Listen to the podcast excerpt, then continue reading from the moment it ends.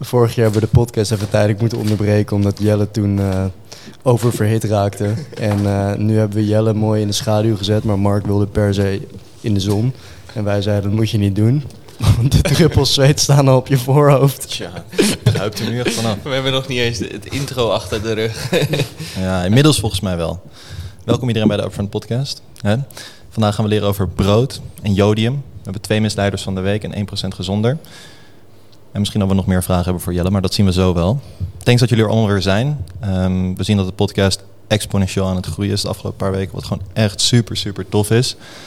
Mocht je Upfront willen supporten, dan kan dat altijd via upfront.nl als je nog op zoek bent naar gezonde snack of sportvoeding. Je euro gaat direct naar een Rotterdamse bedrijf wat de wereld een stukje beter probeert te maken. Ik denk dat we hem aftrappen met de vraag van de week. En die is voor Jelle. En volgens mij gaat die over jodium en waarom er jodium in brood zit. En misschien ook over de rol van jodium. Kan jij ons uh, enlightenen hier? Um, ja, ja, zeker. Ik, denk dat het goed is om uh, ook een beetje af te trappen met, met waar deze vraag een beetje vanuit is ontstaan. Uh, want het is toevallig iets wat meermaals in twee, drie weken, in de afgelopen twee, drie weken langs is gekomen op kantoor. En hoe het zit met jodium is in Nederland hebben we gewoon vrij weinig jodium van nature in ons eten zitten. Uh, het zit gewoon weinig in onze bodem, waardoor onze groenten en fruit dat weinig hebben. En uh, ja, we zijn gewoon niet enorme vis slash wiereters hier in Nederland. Uh, en dat zorgt er ook voor dat we gewoon een lage jodiumconsumptie hebben gedurende de week. En om die reden heeft de Nederlandse overheid op een gegeven moment besloten... oké, van wat is nou iets wat we wel veel eten in Nederland? En dat is brood. Uh, om de bakkersindustrie eigenlijk te gaan stimuleren om jood ook te gaan gebruiken in ons, uh, of, uh, ja, te gaan gebruiken voor de broodproductie. En jood is heel erg makkelijk om dat te verwerken in, in zout, in keukenzout. En toen was het gewoon 1 en 1 is 2. En op die manier zijn we eigenlijk ons brood gaan verrijken met jodium. En dat heeft ervoor gezorgd dat er eigenlijk zo goed als geen jodiumtekorten meer zijn in Nederland. Mm.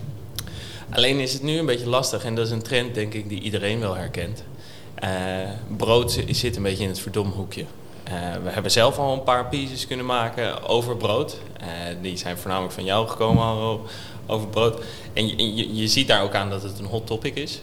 Ehm, maar eigenlijk is doordat het zo in het verdomhoekje zit, zijn mensen steeds minder brood gaan eten de afgelopen jaren. En we zijn ook steeds meer ons gaan richten op biologisch brood. Of we zijn weer steeds meer naar de, de kleine bakkertjes aan het gaan. En naar de zuurdezems. Precies. En die, die bakkers gebruiken ook al vaak minder jodiumzout of bakkerszout.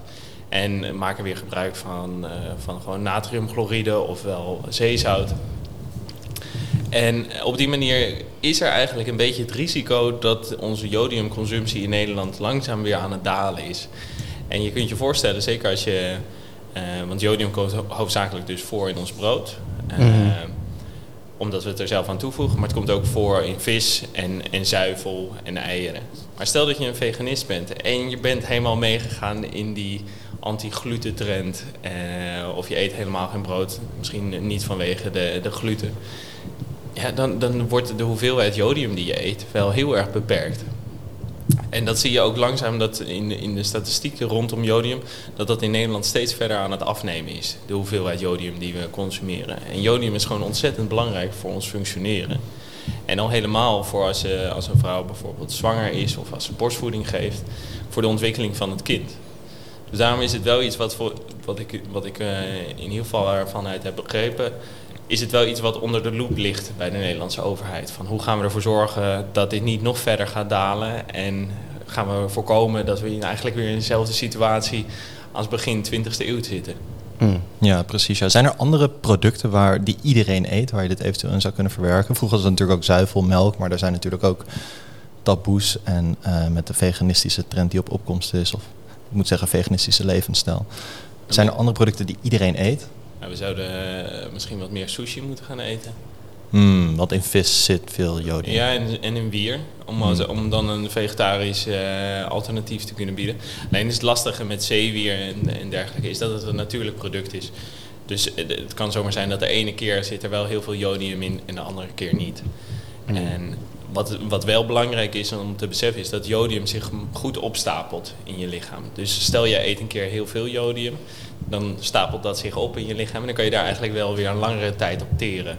Dus je hoeft je geen zorgen te maken. Stel dat je op dag A het uh, ruim binnenkrijgt en op dag B niet. Dat is allemaal niet zo'n probleem. Je moet echt kijken naar het gemiddelde en, het is een, langtijdig proces. Wil je een tekort opbouwen. Oké, oké. Okay. Zijn, zijn er, even de, kleine detour, maar zijn er meer vitamine en mineralen waar je een soort van die, die, ja, die, die soort van reserves van kan opbouwen? Ik weet dat dat met vitamine D3 ook zo is. Um, zijn, ja. je, je, moet er zo met de, met de vitamine heb je de, de vetoplosbare en de niet vetoplosbare, wateroplosbare vitamines. En die wateroplosbare, die plas je vaak, zo staan ze ook vaak bekend als die plas je toch uit. Vitamine C, maakt niet uit hoeveel je mhm. ervan neemt, plas je toch weer uit. Dat is misschien die uitspraak wil ik me niet vinden. Maar uh, in principe werkt dat zo. doordat ze wateroplosbaar zijn, gaan ze eigenlijk mee met de vloeistoffenstroom van je lichaam. Maar vetoplosbare vitamines kunnen gewoon zich ophopen in je vetweefsel. Mm. Omdat ze daarin oplosbaar zijn. Dus daar kan je makkelijker voorraden van aanleggen. En op die manier uh, ja, zorg je er eigenlijk voor dat je soms ook wel een buffertje opbouwt. Voor momenten dat het wat minder en, en wat zijn voorbeelden van vetoplosbare mineralen, vitamines? Uh, vitamine A, vitamine D, zoals je net zei. Oké. En dus ook jodium misschien, eventueel? Nou, jodium is een, is een, spoorelement of behoort tot de mineralen. Aha, oké. Dus, dus, dat wordt ergens dat wordt in je, in je schildklier weggezet. Je schildklier zit uh, zo uh, rondom je hals. Mm -hmm. um, en voornamelijk bij vrouwen is daar, is daar soms wel eens een, een probleem mee. Excuses. Uh, en wat, wat, je dan soms ziet, wellicht wel eens een keer bij een vrouw gezien of plaatjes ervan gezien, is zo'n zo'n opgezwollen hals. Ja. En, en, en, dat is, is, komt vaak door, door een probleem met de schildklier. Maar wat er dus gebeurt als je te weinig uh, jodium in je lichaam hebt zitten, dan gebeurt eigenlijk datzelfde. Dan, dan zwelt hij op. En dan, dus ze noemen het krop. Oké. Uh, kan je ook een teveel aan jodium hebben? Ehm, ja, dat kan. ja, en heb je enig idee uh, wat er dan gebeurt? Um, ik, waarschijnlijk gaat er, ik, ik, ik, durf het niet met zekerheid te zeggen, maar waarschijnlijk gaat daar ook iets fout in, in het reguleren van je, van je hormoonhuishouding mm -hmm. die vanuit je schildklier Ja, precies. Ja. Oh, interessant. En um, misschien, Harro, als we even naar jou toe kunnen. Jij hebt veel stukken om brood gedaan, uh, om het onderwerp brood. Waarom denk je dat er zo'n soort van, ja, niet taboe, maar mensen stappen toch in grote getalen af van brood. Waar ligt dat denk je aan? Um, ja, 100% aan zeg maar, de trend om gluten te vermijden, denk ik. Die de hmm. afgelopen tijd uh, enorm... Uh, ja, gluten zijn enorm in opspraak. En uh, ja, boeken als het glutengevaar, menig influencer die zich er negatief tegen uitspreekt. Ja, het, het, het, het, is voor iets, het is voor mensen een soort van iets heel simpels, toch? Als je brood vermijdt, word je gezonder, dan ga ik dat doen.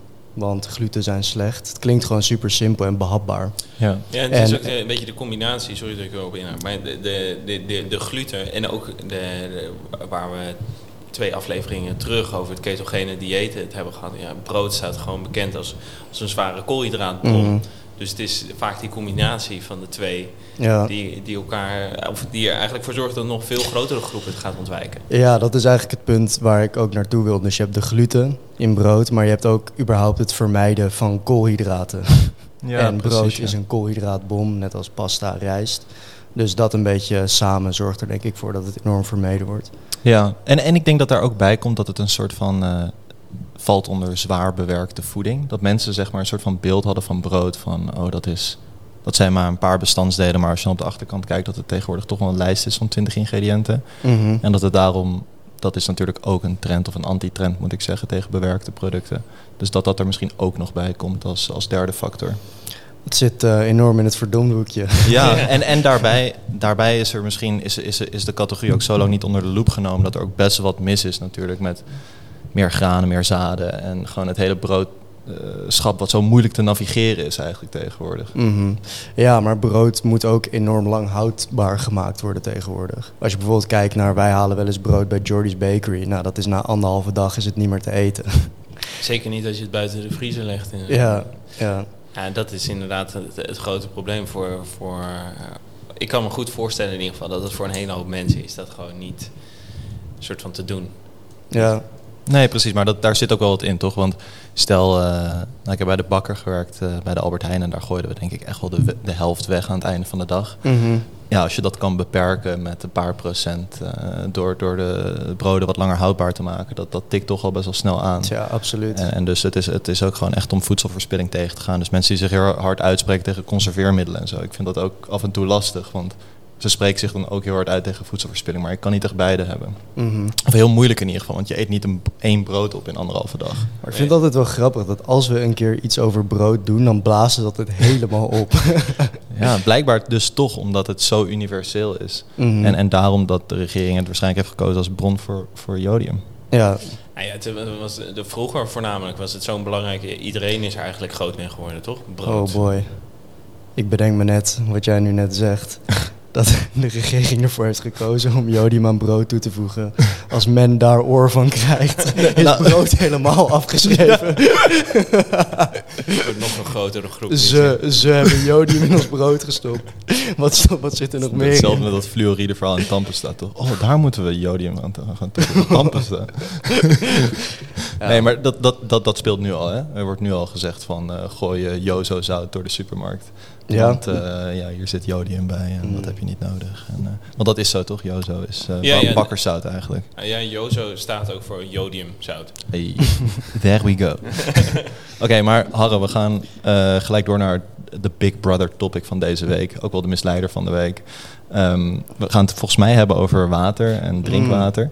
Ehm, wil jij hem insteken? Ja, tuurlijk. Ik dacht, eh, ja, sowieso wel eh, leuk om nog even over te hebben. Want we hebben vorige week een, eh, ja, iets op Instagram geplaatst wat enorm is opgeblazen. En ook op LinkedIn en TikTok. eh, over mineraalwater versus kraanwater. En mensen die denken dus dat mineraalwater veel gezonder is dan kraanwater. Maar mineraalwater is 500 keer duurder en 1300 keer eh, minder duurzaam. Of vervuilender moet ik eigenlijk zeggen. En daarnaast hoeft het veel minder goed gecontroleerd te worden dan kraanwater. Nou, dat hebben we dus online gezegd. En eh, Mark, jij hebt je in de comments begeven. Hoe, was, hoe was het daar? Ja, het was, eh, het was vulgair. Het was veel ik ben niet trots op eh, wat, eh, wat ik allemaal heb getypt. En, eh, wat, ja, nee, het was, het Maar was je bent niet trots op wat je zelf hebt Nee, nee, ik ben er af en toe te hard eh, tegenin gegaan, moet ik zeggen. Je moet ook een beetje begrip hebben natuurlijk voor mensen die kritiek uiten. Maar nee, het werd, Ja. eh, de, de- de- mensen hadden er duidelijke mening over, laat ik het zo zeggen. Nee, precies. En ehm, nou, nog, nog even om de piece af te maken voor de mensen die hem niet hebben gezien. Er zitten nauwelijks mineralen in mineraalwater. En een kleine fun fact bij, deze, bij dit onderwerp was dat het eh, eh, water in, een bar, in Bar-le-Duc uit dezelfde bron komt als het kraanwater wat in Utrecht uit de kraan komt. Dus dan hebben we hem even full circle. Nou, en daar kregen we dus ontzettend veel reacties op dat het kraanwater in Nederland absoluut niet veilig was. En dat het gefilterd moet worden. En daar werden allemaal artikelen aangehaald en weet ik veel nieuwsberichten. Dus ik ben er even ingedoken om even te kijken hoe de vork in de steel zat. We zijn En- niet anders van je verwacht. Nee, nee, maar, maar dus, eh, nou ja, wat zou er allemaal in zitten? Eh, hormonen, medicijnresten, noem het maar op. Dus ik, ik even googelen. En eh, ik zie inderdaad, het eerste wat ik zie als ik eh, google kraanwater hormonen is Algemeen Dagblad 2016 met de titel Kraanwater bezorgt mannen een vrouwelijk lichaam. Ja, die heb ik ook gelezen. En ik, ik, zag, en ik zag dat en ik dacht gewoon, oh shit, weet je wel, hebben we het nou, hebben we het nou aan het verkeerde eind. Maar je leest het artikel en je ziet meteen dat het in Amerika zo is. Dus zeg maar de mensen die dat aanhalen als bron, ik bedoel, kom Ja. op. Je gaat toch niet vanuit van een titel van een eh, artikel ga je uit eh, als, als bron. Ja, Ehm, nou goed, dus eh, hoe zit het nou met het kraanwater in Nederland? Eh, kraanwater wordt enorm streng gereguleerd in Nederland. Zelfs strenger dan de, de voedingsmiddelen die wij consumeren. Ehm, en dus ook strenger dan het water dat in flessen zit, wat wij kopen. En in Nederland ehm, hebben we het ILT. Die, dat eh, staat voor Inspectie, Leefomgeving en Transport. En die doen verschillende metingen. Nou, het meest recente rapport dat ze hebben eh, gepubliceerd was in 2016. Want in 2016 deden ze eh 600.000, eh 670.000 metingen op het kraanwater. Hallo. Ja, dat is niet weinig. En van die 670.000 metingen was het in 99,9% van de metingen voldeed het keurig aan alle normen. En aan een hele strenge eisen. Hele, hele, hele, hele strenge eisen. Ja. Ehm, nou, en dat is blijkbaar voor mensen eh, nog steeds niet eh, ja, genoeg bewijs om ervan uit te kunnen gaan dat het kraanwater gezond is. Ja. ja, dus Ik ga daar denk ik gewoon even, even op inhaken. Maar allereerst, eh, eh, ja, het ILT, zoals Harre zegt, doet dus bijna een miljoen metingen. En ze grijpen ook direct in. Dus als er een leiding wordt aangetroffen waar dus vervuild drinkwater in zit... of waar één van die nou, honderden markers waar ze eigenlijk op meten overschreden wordt... eh, dan, wordt die, dan wordt die leiding direct afgesloten en wordt er direct gekeken naar de oorzaak. Mhm. En vaak heeft het ook te maken met ehm, ja, verouderde leidingen bijvoorbeeld. Ja. Of zijn het eh, verkeerde positieve. Maar die worden meegenomen in die 670.000 eh, Mhm. metingen. En jullie kunnen je niet voorstellen waar ze allemaal op meten. Het is echt een waslijst waar keurig op gemeten wordt.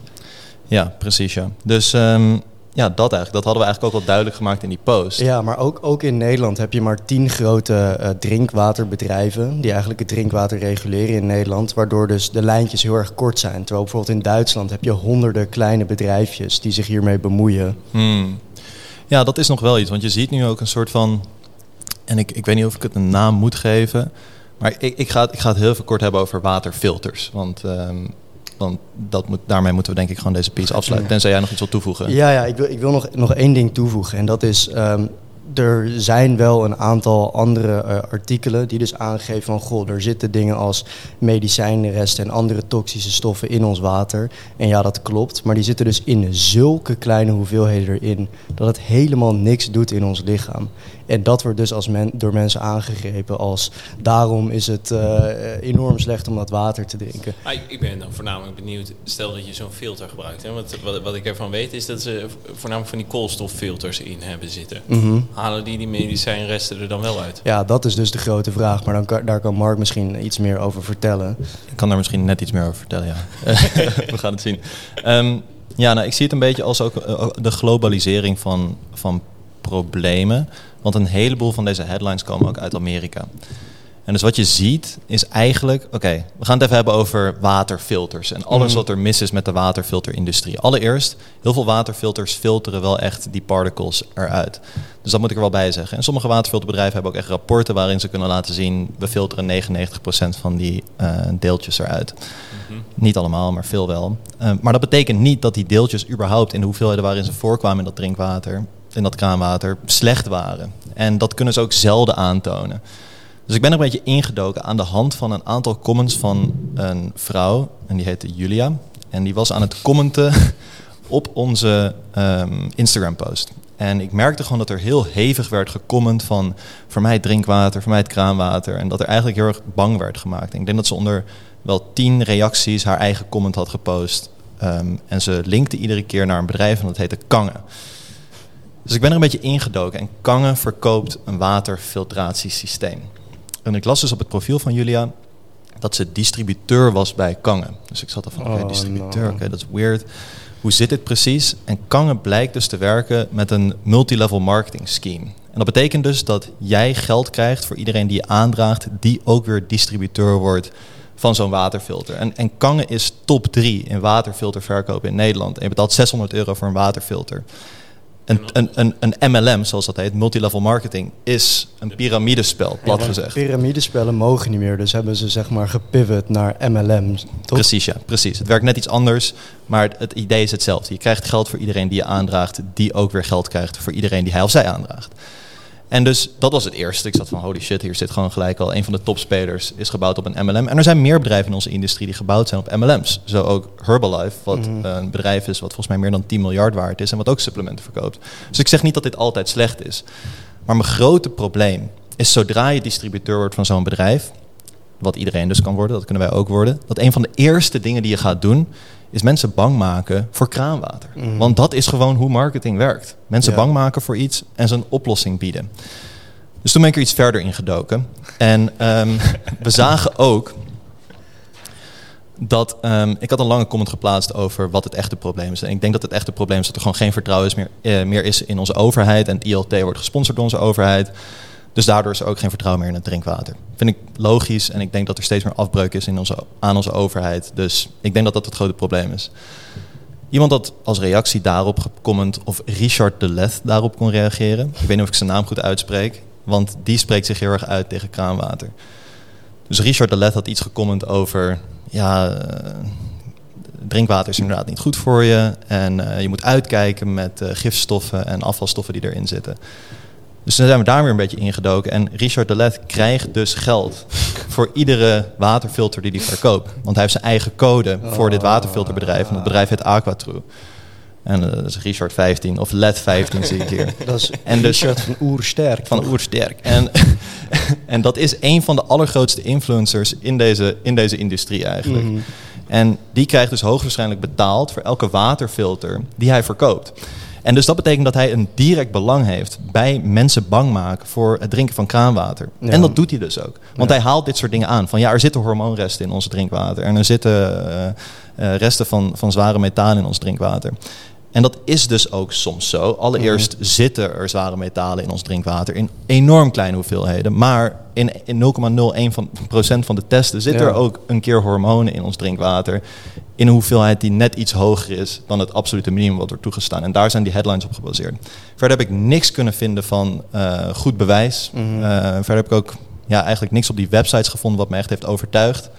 En dus, dus zo zit de vork een beetje in de stil volgens mij. Dat influencers krijgen nu betaald om mensen bang te maken voor iets wat helemaal niet kwaadaardig is. Wat gewoon hartstikke goed is gereguleerd. En ze verdienen er zelf geld mee. Ja. Waarschijnlijk zijn ze meer bang voor hun eigen faillissement als ze niet die dingen gaan verkopen. Waarschijnlijk precies. zitten ze er zelf ook veel te dik in. Ja, zo'n aquatrue ding kost ook een paar honderd euro. Zo'n kangen ding kost 600 euro. Maar dat is gewoon een rib uit je lijf. En Wat, dan ben je wat niks. doe je daarmee? Gaat dat op je, op je kraan of zo? Nee, dat is een soort, iets- het is gewoon een soort van schenkkan. Ja, het ligt ook een beetje aan het, aan het model en aan het bedrijf. En er zijn inderdaad verschillende soorten filters, zo koolstoffilters, maar zo ook.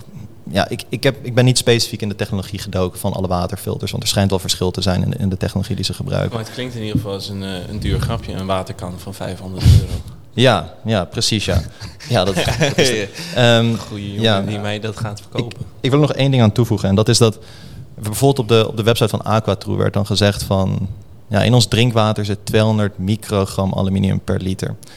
Dus voor iemand die 2 liter per dag drinkt is het ongeveer 400 microgram. Nou, allereerst 200 microgram is het maximale toegestane wat erin zit. Vaak is dat veel en veel lager. Mhm. Maar dan alsnog, als jij het 2 liter uit de kraan haalt... dan zit je alsnog maar op 4% van de hoeveelheid aluminium die je gemiddeld op een dag binnenkrijgt. En de eh NOAL... eh, eh, waar staat het ook weer voor? No observed adverse effect level. Ja, van aluminium ligt veel hoger dan de 10 milligram die Nederlanders gemiddeld binnenkrijgen. En dus daar moeten we ook rekening mee houden. Dat ondanks dat er dan wordt gezegd van ja, aluminium binnenkrijgen is slecht. En dat is misschien ook zo dat, dat zelfs als je 2 liter drinkwater of kraanwater per dag drinkt, dat je maar een hele kleine fractie binnenkrijgt van de totaal hoeveelheid aluminium die je binnenkrijgt op een dag uit je voeding. En dus dat wordt dan vaak aangegrepen, maar dat is ook totaal ongegrond eigenlijk. Ja. Deze mensen die zullen zo ontzettend veel geld hiermee verdienen. Ja, waarschijnlijk wel, ja. Want steeds meer mensen stappen ook over. Want het is een soort van iedere keer, want je meerdere keren per dag gooi je die kraan open. Dus meerdere Ja. keren per dag word je aan herinnerd van, oh, dit kan giftig zijn, oh, dit kan slecht voor me zijn. En- eh, wat, wat moet je doen met het water waar je eh, groente in kookt? Moet je, moet je dat ook eerst door die filter heen laten lopen? Want dan sta je, sta je de helft van de dag sta je te filteren. Ja, misschien wel, ja. Ja, ik kan me voorstellen dat, dat ze daar ook bij, bij preachen dan. ja. Maar, Man, dan- maar dit soort... Sleep breekt me allemaal uit, sorry. neem, neem het even Ik ben er over. zo gepassioneerd over. Ja, maar dit soort marketing is, eh, is zeg maar zo, zo winst, zo lucratief. Als ik bijvoorbeeld, ik sprak net ook met Daan van ons, van ons kantoor en die vertelde van ja, ik eh, luister jullie podcast van vorige week en eh, ik koop ook die Flower Farm No palmolie. Want ja, ik, ik stond voor dat, voor dat boterschap en toen zag ik eentje met no palmolie. Dus dacht ik gewoon ja, die zal wel beter zijn dan de rest, weet je wel. 100% de beste marketing is bangmakerij Ja. eigenlijk. Mhm. Plat gezegd werkt dat gewoon het allerbeste. En, en met kraanwater, daar, daar spelen dus ook een heleboel complottheorieën om, omtrent die topic. En die worden, vast ook, die worden vast ook in de strijd gegooid om mensen maar van dat kraanwater af te krijgen. Ja, ik vind het gewoon ontzettend kwalijk. Ik vind het haast crimineel als je zeg maar een goede opleiding hebt gehad als voedingsdeskundige en dan alsnog dit soort dingen doet. Mhm. Omdat je misschien wel 200 euro krijgt per verkoop die je drijft. Ik vind het gewoon echt niet kunnen. Ja. Ik vind het gewoon echt crimineel eigenlijk. Want ze kunnen ook nooit goed bewijs aanleveren. Nee. I'm gonna lose my shit. Sorry. Maar ze leveren dan wel bewijs eh, aan, maar ze vergroten daar dingen uit die helemaal niet kloppen. Ja, precies. Dus over dat aluminium. Ja, Van, ja, er zit aluminium in ons drinkwater. Ja, inderdaad. In super kleine concentraties. Ja. Dat betekent niet dat het slecht voor je is. Mhm. En dus, ehm, ja. Goed. Ja, dit is echt een, eh, dit is een flinke misleider. 100%. Maar wat, wat is- oké, maar stel je voor, hè, want eh, dit wordt ongetwijfeld gezien door de beleidsmakers, de mensen die hiermee bezig zijn. Zeg maar, wat Ja. denk je dat hun reactie hierop is? Van, zeg maar, wij fixen dit, wij doen alles in onze power. We hebben in Nederland een van de schoonste drinkwateren van de wereld. En dan wordt dit nu een hype. Ja, De overheid heeft gewoon geen goede marketingmachine. ja, Ze zouden dit eigenlijk gewoon echt de kop in moeten drukken. Ja, precies. Ja, we hebben het op LinkedIn gepost. En eh, da- daar de, de, de topcomment was ook zo'n soort van samenzweringscomment van ja, de particles. En, eh, en, en daar reageerde ook iemand op die het eigenlijk gewoon helemaal gewoon kapot maakte, die, die comment. Want Mhm. van ja, ik zit 27 jaar in het drinkwater, ik bij Evides. En zo zit het. En eh, je hebt gewoon ongelijk. En ik zal Ja. hem even gewoon over het scherm heen gooien, als, zodat mensen het wat Ja. duidelijker hebben. Maar dat, dat liet me dus al zien van, oh ja, dit kan gewoon makkelijk verworpen worden. Maar wat jij Mhm. zegt, deze instanties zoals het ILT hebben helemaal geen marketingbudget. En waarschijnlijk kunnen ze hier ook helemaal niet tegenin. Maar het is Nee. toch ook raar dat, dat zo'n bedrijf een marketingbudget zou moeten hebben. Want je, ergens moet je toch in je leven op iets kunnen gaan vertrouwen. Je kan niet alles weten, toch? Ik, dat vind ik het meest idiote van deze hele discussies. Is dat er zo'n groep met mensen is die pretendeert... Een soort van... de- een groep oude mannetjes is het eigenlijk. Die van alles iets weten. Dat, dat slaat helemaal nergens op. Zelfs over, over voeding. Ik heb, ik heb voeding gestudeerd. Mhm. Maar ik weet bij lange na niet alles over voeding. Misschien, misschien een procent. En ik ga Ja. ook niet staan pretenderen dat ik er alles over weet. Ja, En dat is met al deze mensen, die weten precies, die weten precies hoe het zit met voeding. Die weten precies hoe het in elkaar steekt met de regering. Precies hoe het in elkaar steekt met ons water. Dat kan je niet weten allemaal. Je kan je niet hebben verdiept in al deze dingen. En in de tussentijd ook nog geld verdienen door gewoon te werken. Dat kan toch niet? nee, precies. Maar het is denk ik, het is een soort van, ehm, het, het geeft je een soort van controle, toch? Dat je, dat, je kan, dat je kan aanwijzen van, ja, wij maken deel uit van die kleine groep die, die het wel helemaal begrijpt. Ja. En dat geeft een soort van idee van controle over je leven. En daarom dat, dat ja, dus eh, ja, het is heel makkelijk en lekker. Lekker. Maar ik, vind, ik, vind het wel, ik vind het wel interessant, want ik weet nog toen wij onze vitamine D lanceerden in december, toen eh, de verwoording voor wat je wel en niet mag claimen is heel erg lastig. Zeg maar, het ligt heel erg, eh, eh, wat mag en wat niet mag ligt heel erg bij elkaar. En het verschilt echt maar een paar woorden. Ja, Jelle, jij hebt je daar nu echt helemaal in verdiept, wat, wat je wel en niet mag claimen. Het zijn echt nuances. Ja, en we hadden een hele kleine fout gemaakt. Ja, ook, ook wij maken fouten en we zijn er absoluut niet bang voor om dat toe te geven. En toen kregen wij dus een e-mail van een soort controlerend orgaan eh, wat betreft voedingssupplementen.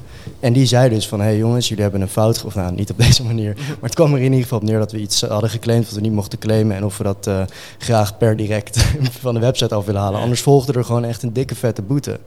En ik vraag me dan af eh, of er ook zoiets is voor dit soort praktijken. Ja, ik Nou begrijp ja, wat je bedoelt. dat, ja. dat is een, een heel interessant punt wat je daar aan zei. Want Ik, denk wel dat je iets dichter bij de microfoon moet gaan staan. Oh ja, ik, ik sta Ah. inderdaad... Daar is ik die mooie stem van ik hoor mezelf iedere keer zo hard in die microfoon. Ehm, maar dat, dat, want dat is inderdaad iets ook wat ik me de hele tijd afvroeg. Je ziet heel vaak eh, bedrijven die, die potjes maken met claims die erop staan, waar het allemaal wel niet goed voor is. Dat je denkt van wauw zeg, dat we, dat we dit nog niet allemaal slikken als wereldbevolking, maar dit, dit werkt alle problemen de wereld uit. Maar dan staat er altijd nog zo'n zo'n sterretje bij, bij die claims. En dan staat er in afwachting van goedkeuring door, door EFSA bijvoorbeeld. Ja, ja. Of, eh, er zijn, gewoon mensen die claims of bedrijven die claims een soort van introduceren bij EFSA. Dat moet allemaal gecontroleerd worden. En dan mogen ze dus die claim voeren met de disclaimer erbij. dus zo, Oh, wauw. zo is er zo'n hele wereld met claims eigenlijk de wereld ingegaan. En niemand heeft nog zo'n claim kunnen bewijzen. maar wel al die disclaimertjes waar het hele internet mee vol staat, van dat het nog in afwachting is. En daardoor lijkt het, ik heb dat zelf ook altijd gehad. Als, iemand, als er iemand schrijft van het is in afwachting van goedkeuring, dan denk je formaliteiten moeten we nog eventjes overheen. Maar het is in principe zit het goed. Ja, Maar dat is echt bullshit. Lekker Jelle. Ja, nee, maar dat, is, dat kan natuurlijk. Dat is een beetje hetzelfde als, als, als eh, patent pending. Dat je een patent Ja, hebt wat in ja, aanvraag ja, ja, is. Maar ja, ja. je, kan, je kan misschien gewoon wel veel makkelijker iets indienen dan dat het wordt goedgekeurd. Ja. Dus ook wel tien patenten gaan indienen en zeggen dat, je, dat ze bijna zijn goedgekeurd. Mhm. Ehm, we, gaan, we gaan wel weer door. We Ja. gaan door naar de tweede misleider van de week. we Oh, hebben wat- drinkwater gehad. Ja, ja. Nu Er zit wel een hoop emotie in. Ja, ik merk Bij ook ons wel. ook. Ja, godver- ja ik, heb, ik heb absoluut weer een misleider mee, maar voordat ik die ga presenteren, ik merk echt aan mezelf dat ik de hele tijd die guy op TikTok ben of op Reels, die weer een product wat mensen graag eten, zeg maar. ja. Dus ik zie dan ook comments van, joh, wat kan ik nog wel eten? Ja. Oh, daar, daar kom je weer met een product wat ik graag eet. Wel dapper dat je die rol op je wil nemen. Ja. Als meest gehate man van het internet. Wat? Maar misschien ook nog duidelijk, eh, zeg maar voor de duidelijkheid van vorige keer, dat over sriracha en over sambal en zo. Mhm. Dat veel suiker niet betekent dat je het niet meer kan eten. Het gaat gewoon om bewustwording, toch? Ja, absoluut. En het is ook niet alsof de 30 gram in sriracha, alsof je die in één keer binnenkrijgt. Want je eet niet 100 gram sriracha. Maar het was meer, ik eh, heb wel periodes gehad dat ik echt overal best wel veel sriracha opgooide. En dat, dat telt toch op. Ja, precies. Dus wat je zegt, bewustwording. En als je er dan uiteindelijk voor kiest om het toch te doen, dan is het het zijn goed gewoon een beetje stiekeme suikers, eh, stiekeme calorieën die, eh, die je introduceert. Iedere dag weer. Heerlijk. Maar zal ik even de producten erbij ja, pakken? ik ben heel erg benieuwd, Harm. Alright. Wat voor producten we weer eh, niet gaan mogen eten deze week. wat zal het zijn? Oh, oh. Ai, Nee. ai, ai, ai. Ik, mm. Vind ik wel jammer.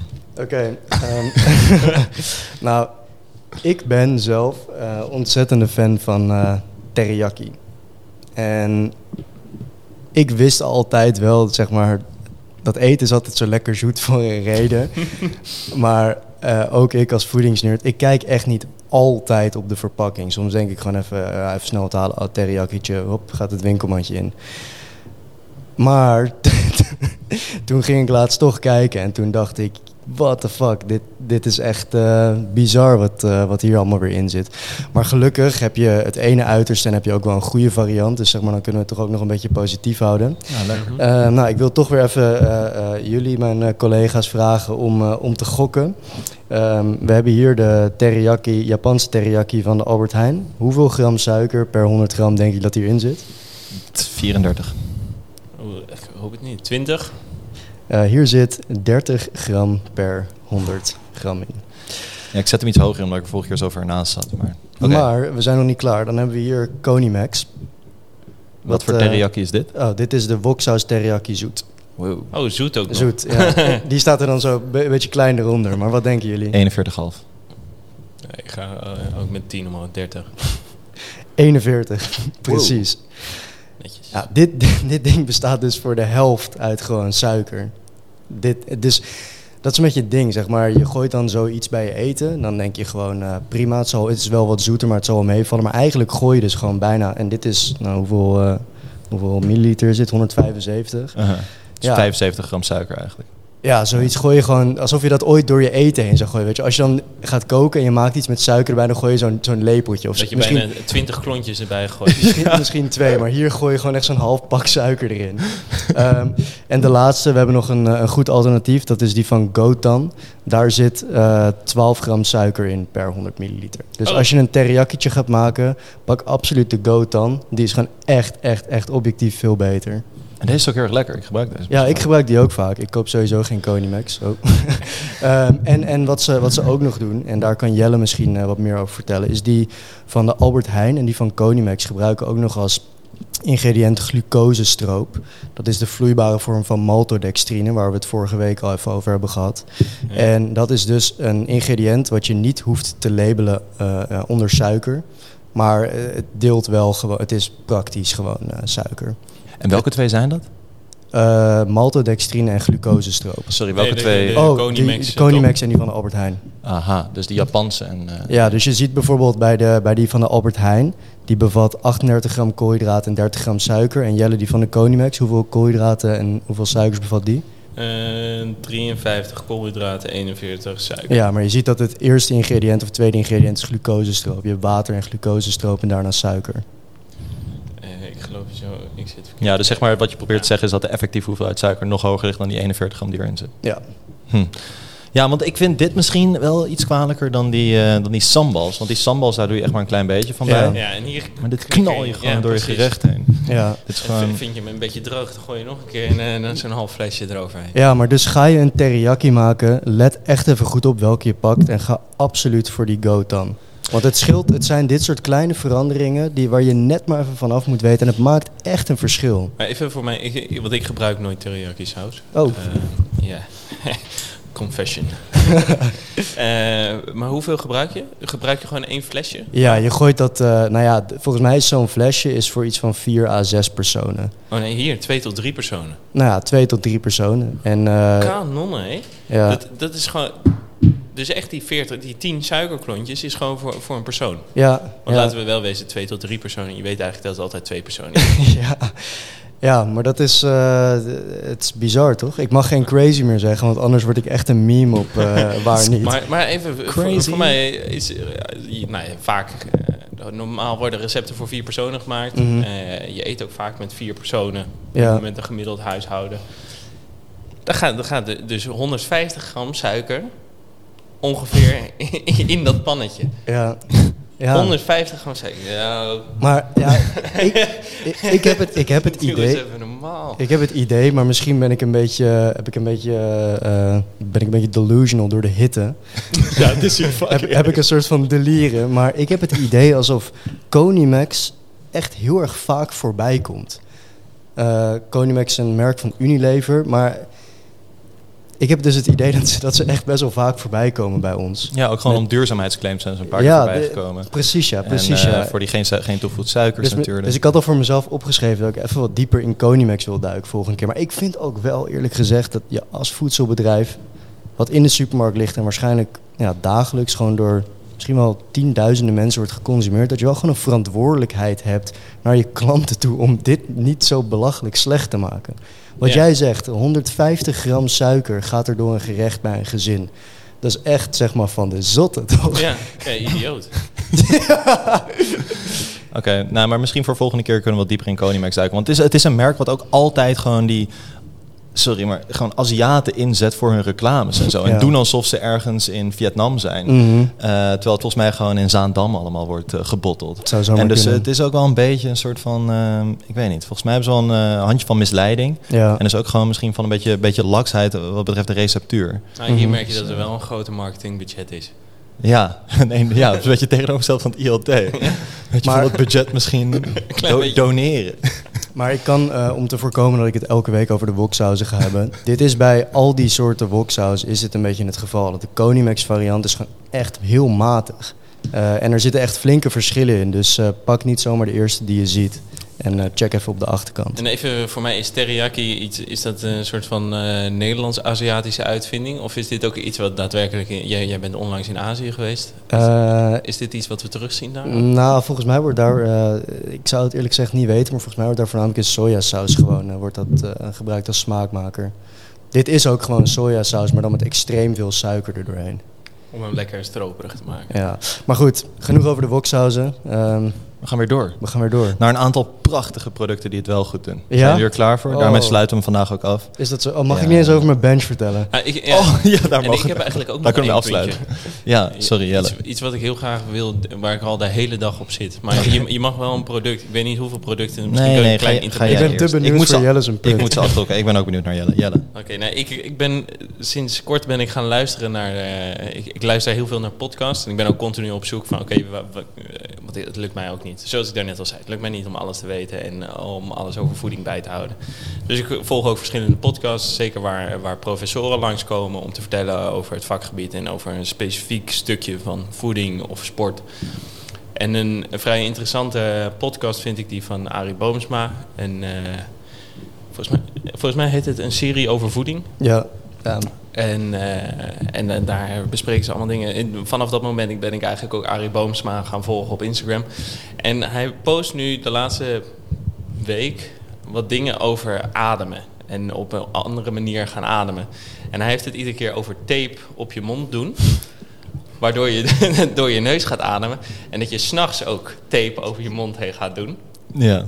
Waardoor je door je mensen reageren erop echt op het meest fantastisch. Dat, dat ze niet meer snurken, dat ze, dat ze beter slapen. Ja. ik ben toch wel geïntrigeerd geraakt door, door het hele fenomeen met tape opslapen. Sorry, ja, maar ik Ik heb de foto gewoon- langs zien komen. Maar kan me ze- niet voorstellen dat ik een stuk duct tape zo over die snorharen ook plak. En dat je die er elke ochtend bij dat, dat, is maar, dat is maar één dag dat je daar last van hebt. maar eh, zit hier niet wat? Weet ik dus niet. Ja, Hmm. ik, ik heb er, maar ik zat wel te denken. Ik dacht van misschien kunnen we het alle drie even een keer proberen deze week. Met tape. Ik zou dan misschien geen duct tape, maar misschien sch- schilderstape of iets. Mhm. Dat plakt iets minder heftig. Maar ik weet zelf toch niet of ik snurk. Ja, maar je kan toch... nee, maar je kan, je kan wel misschien het effect ervaren van beter slapen. Of, Mm. Maar ze zeggen, dat- of, eh, hij, hij, hij zweert erbij. En sowieso vind ik het tof, want hij, hij maakt van zichzelf echt zijn eigen proefpersoon. Ja. Dus hij, hij doet alles. En alles op- eigenlijk op zoek waar wij, waar wij voor leven, die 1% gezonder. Dat is iets wat hij ook heel erg leeft. Ja. Iedere dag weer. En dat vind ik tof. Eh, dus daarom was ik ook wel benieuwd naar. Zeker naar al die positieve reacties. Ook al zijn ze anekdotisch. En ze, schieten we dat heel vaak af, die anekdotische dingen. Dacht Mhm. ik van waarom zouden we het niet eens proberen? Want we horen vaak al dat door de neus ademen dat dat goed is. Oké, oké. dus, dus we gaan voor volgende week één nacht allemaal slapen met tape op de mond. En kijken wat dat voor... Wat dat voor in- ook al slaap je niet naast iemand die je kan vertellen hoe je snurkt of hoe je ademt. Mhm. Misschien word je wel veel frisser wakker. Het is wel apart, want eh, wij, ik, ik slaap in mijn eentje. En jij slaapt ook in je eentje. Maar jij slaapt naast je vriendin. Naast mijn boyfriend. Jij slaapt naast je vriendin. Die, die wordt 's ochtends als een soort, naast een soort van been wordt die wakker. Omdat je helemaal dichtgetaped zit. Misschien is het wel hartstikke gevaarlijk. Dat, ik had wel een beetje stress. Dat ik dacht van stel dat je dat het even dicht zit. Of als je verkouden bent. ja, goed. Oké, we gaan door. Maar wel een goed experiment voor Wil volgende jij dan voor volgende week een beetje de science erachter uitzoeken of er iets zit? Ja, ik, ik ga wel eens, want eh, hij refereert ook naar een andere podcast. eh, Hmm. die, eh, ja, die veel beschrijft over van hoe je beter zou moeten gaan ademen. Ja. Of bewuster ademen. Dus ik zal daar ook even naar luisteren. Kijken of ik eh, wat meer eruit kan halen. Ja. Lekker Jelle. Goede toevoeging. Nice, nice, nice. Voor de- dus voor volgende week, ik ga, ik ga dit gewoon proberen. Oké? Mhm, ja, ik ook. Oké. Ja, nice. Eh, dan delen we volgende week even onze bevindingen. Maar eh, tof. Ehm, ik, ik ga door met mijn eh, goede producten van de week voor de Mhm. verandering. Misschien een 1% gezonder, ik weet het niet. Maar Jelle, kan je ondertussen een kleine recording check doen? Ja, ja, uiteraard. Thanks. Dan pak ik even de producten, bro. Oh, dan sta ik hier nu in mijn eentje. Moet ik het even vol gaan praten? Small talk. Sweet talk. Er komen een hoop dingen op tafel. Zullen we even de teriyaki ook verwijderen? Want dit, eh Ja, Die moet ik even eh, uit het nogal het beeld van gezond. Oké, dus we hebben hier een heleboel producten. En ik, ja, ik wil eigenlijk elke week, of misschien, weet ik veel, elke week is te veel, maar gewoon eens in de twee weken een aantal producten meenemen die ik gewoon mooi vind. Allereerst hebben we hier een lijn van kleine, die heet Puur. En wat ik het mooie hieraan vind, is dat dit het eerste product is wat ik heb gevonden in de supermarkt, wat echt de ingrediënten groot op de voorkant zet. Wat ik ook mooi vind, is dat er gewoon suiker en glucosestroop in zit. En zetmeel en gelatine en weet ik veel wat allemaal. Maar dat ze het alsnog gewoon op de voorkant zetten. Mhm. En vaak zie je ook dat producten selectief ingrediënten op de voorkant zetten, zoals RX-bar. En dat vind ik nog misleidender dan het klein op de achter, achterkant zetten. Want dan denk je dat je iets binnenkrijgt waar je nog veel meer binnenkrijgt. Ja. Maar dit zet alle ingrediënten op de voorkant. Ook best wel groot. En ehm, het is ook gewoon best wel lekker. Dus dat wilde ik ook even bij zeggen. Ik vind het ook tof, man. Het ziet er ook echt super vet uit. Ja. Ja, het kan er dus, ook, het kan er dus en tof uitzien, en goed smaken, en een goede prijs. En je gaat alle misleidingen uit de weg. Want dit is zo'n soort van frisse tegenhanger op die eh Let's snoep van Nicolette van Dam bijvoorbeeld. Mhm. Eh, dat er gewoon een snoep is wat gewoon ja, en best goed is qua macro's en qua ingrediënten. Ja. Dus dat vind ik mooi om te zien. Ja. Oké, dan ehm, ja, hadden het vorige week over Oatly, daar kwam ik niet helemaal uit. Maar eh, veel mensen hebben gevraagd naar een goed alterna- alternatief. Ik eh, drink eigenlijk altijd ongezoete amandelmelk. Wel een beetje die hard, want het is niet super lekker. Maar in principe is, is het gewoon water en amandelpasta ehm, en twee stabilisatoren. Dus het is eigenlijk gewoon een best wel simpel product. Ook best wel goedkoop. Eh, je moet dan wel zelf nog iets van smaak toevoegen, want zo zoet is het niet. Het is niet zo zoet als sojamelk, of, eh, Mhm. omdat het dus ongezoet is. Dus, Maar eh, je daar zou het je dus prima bij je havermout kunnen gooien. ja, dat doe ik dus, maar dan Ah. doe ik er wel dadels bij, zodat Ja, ja. er nog iets van, iets van suiker in zit. Maar dan heb ik ook zelf controle over hoeveel erbij gaat, weet je wel. Mhm. Ja. En dat vind ik prettig en dat vind ik een mooie tegenhanger op, op die olie die ze- dus zo hoog was in die, in die maltsuikers. Mhm. Jelle, deze is voor jou, buddy. Buddy. Just buddy dan. Sorry. Oké, dan hebben we nog appelstroop. Wie eet dit? Ik weet het niet, maar ik vond het wel mooi om te zien. Jelle eet dit. Ja? Ja. Oh, oh, sorry. Weet je, eh, even voor, voor de mensen thuis. Echt een aanrader. Roggebrood, appelstroop en oude kaas. Oké. Ik wil dat nog even snel meegeven voordat, het, eh, voordat mensen er eh, op afknappen. Ja, wat ik zo mooi vind is dat jij en zeg maar voedingswetenschapper bent, maar dus ook heel erg op het culinaire zit altijd. Je hebt altijd wel deze Ja. tips en gewoon, ik vind dat zo mooi dat je ook, ja, Ik hou gewoon van lekker eten. ja dat is echt... Ik eh, hoop eigenlijk iedereen dat ze houden van lekker eten. Ja. Volgens mij is dat best wel zeldzaam. Iemand die en, in, iemand, zeg maar, die en de wetenschap beg- begrijpt en heel erg zit op functie van voeding, maar dus ook heel erg zit op, op de smaak van de voeding. Die combinatie, zeldzame combinatie. Eh, maar dus zo ook appelstroop. Eh, veel appelstroop, appelstroop bestaat eigenlijk uit, uit ja, suikerbieten, eh, concentraat. Maar er is nu ook een nieuwe appelstroop en die bestaat uit 100% appel. En ik vond gewoon net zoals de 100% pindakaas tof dat er ook zo'n alternatief op komt. Dus misschien iets minder lekker, ik weet het niet. Jij koopt deze vaak of ik zie hem af en toe Ja. staan. Ja, klopt. Is hij goed? Ik, ik vind hem zeker. Ik vind, eh ja, is van Albert Heijn, de 100% appelstroop. Volgens mij hebben ze ook andere fruitsoorten. Volgens mij ook perenstroop. Doe ik niet met zeker, of appel en perenstroop. Maar het is gewoon, eh, ja, het smaakt gewoon goed. Ja. En, en ja, laten we wel wezen, er zit een hoop suiker in. Dus je moet, je moet niet zo'n heel potje leeg zitten lepelen op een, op een avond. Eh, maar zo af en toe. Hè? Mhm. Ja, maar dat, het is gewoon Met top. roggebrood en oude kaas. Ja, Hè? nou, ik, wil, ik kan niet vaak genoeg benadrukken. Maar Maar eten het- moet ook gewoon lekker zijn. Ja, de reden dat ik, dat ik concludeer dat er weinig van, van wordt verkocht... is dat ze helemaal onderop liggen in het pindakaasschap eigenlijk. Ja. Dus dat doet me denken dat er gewoon niet zo heel veel meer van wordt verkocht. Ehm, maar deze twee bestaan dus volgens mij voor het grootste deel uit suikerbietenconcentraat. Maar ja, het is gewoon mooi dat als je een product koopt wat eh, ja, appels in de naam heeft, dat het ook echt 100% uit appel Mhm. bestaat. En dat zie je niet zo vaak. Ik Dus zag, eh, ik zag trouwens vanochtend, ik weet niet hoeveel tijd we nog hebben. ja, een paar minuten. Ik zag vanochtend eh, dat bij jou in de Albert Heijn Weightcare in het eh, laatste kanschap stond. Ja, dat is prachtig om te zien, toch? En Let's Groentesnoep. ja? Ja. Wow. Two birds with one stone in Oh, it. Lekker man. Harro, hoe- hoeveel heb je gebenched deze week? We moeten dat wel een beetje vast gaan houden. Oh, oh. Wat denk jij Jelle? Vorige keer was 75 keer 6. Ehm, ik hoop eigenlijk dat je nu gewoon 75 keer 8. Dat is wel het juiste antwoord, maar ik, denk, ik, denk, ik denk 80 keer 1. 80 keer 4. Oh, We, ma- we maken steady progressie. Ik vind dat best wel netjes. Ja. je moet wel oppassen. Of, nou, waar, waarom, waarom ga je wel de hele tijd ook eh, voor die extra kilo's en ook minder herhalingen? Waarom zorg je er niet voor dat je dan vervolgens weer soort van up-to-speed komt met je herhalingen? Ik ga nooit lager dan 4 herhalingen. Dus ehm, Maar hoe wist je dat je die 4 ging halen toen je die 80 erop dat gooide? zei mijn intuïtie. Ah, oké, oké. Nee, omdat ik had eh 70 keer 8, 75 keer 6, dacht ik nu 80 keer 5, of keer 4. Oeh. Ja, quick maths. maar nee, dus eh, eh, ik ga nu wel, als ik, ja, als ik, zolang ik die 4 haal, blijf ik hoger gaan. Maar ik drop altijd na mijn eerste set, drop ik het gewicht ehm, met 10%. Dus ik doe dan, in dit geval was het, eh deed ik iets van 4 herhalingen, 7 herhalingen en dan 10 herhalingen.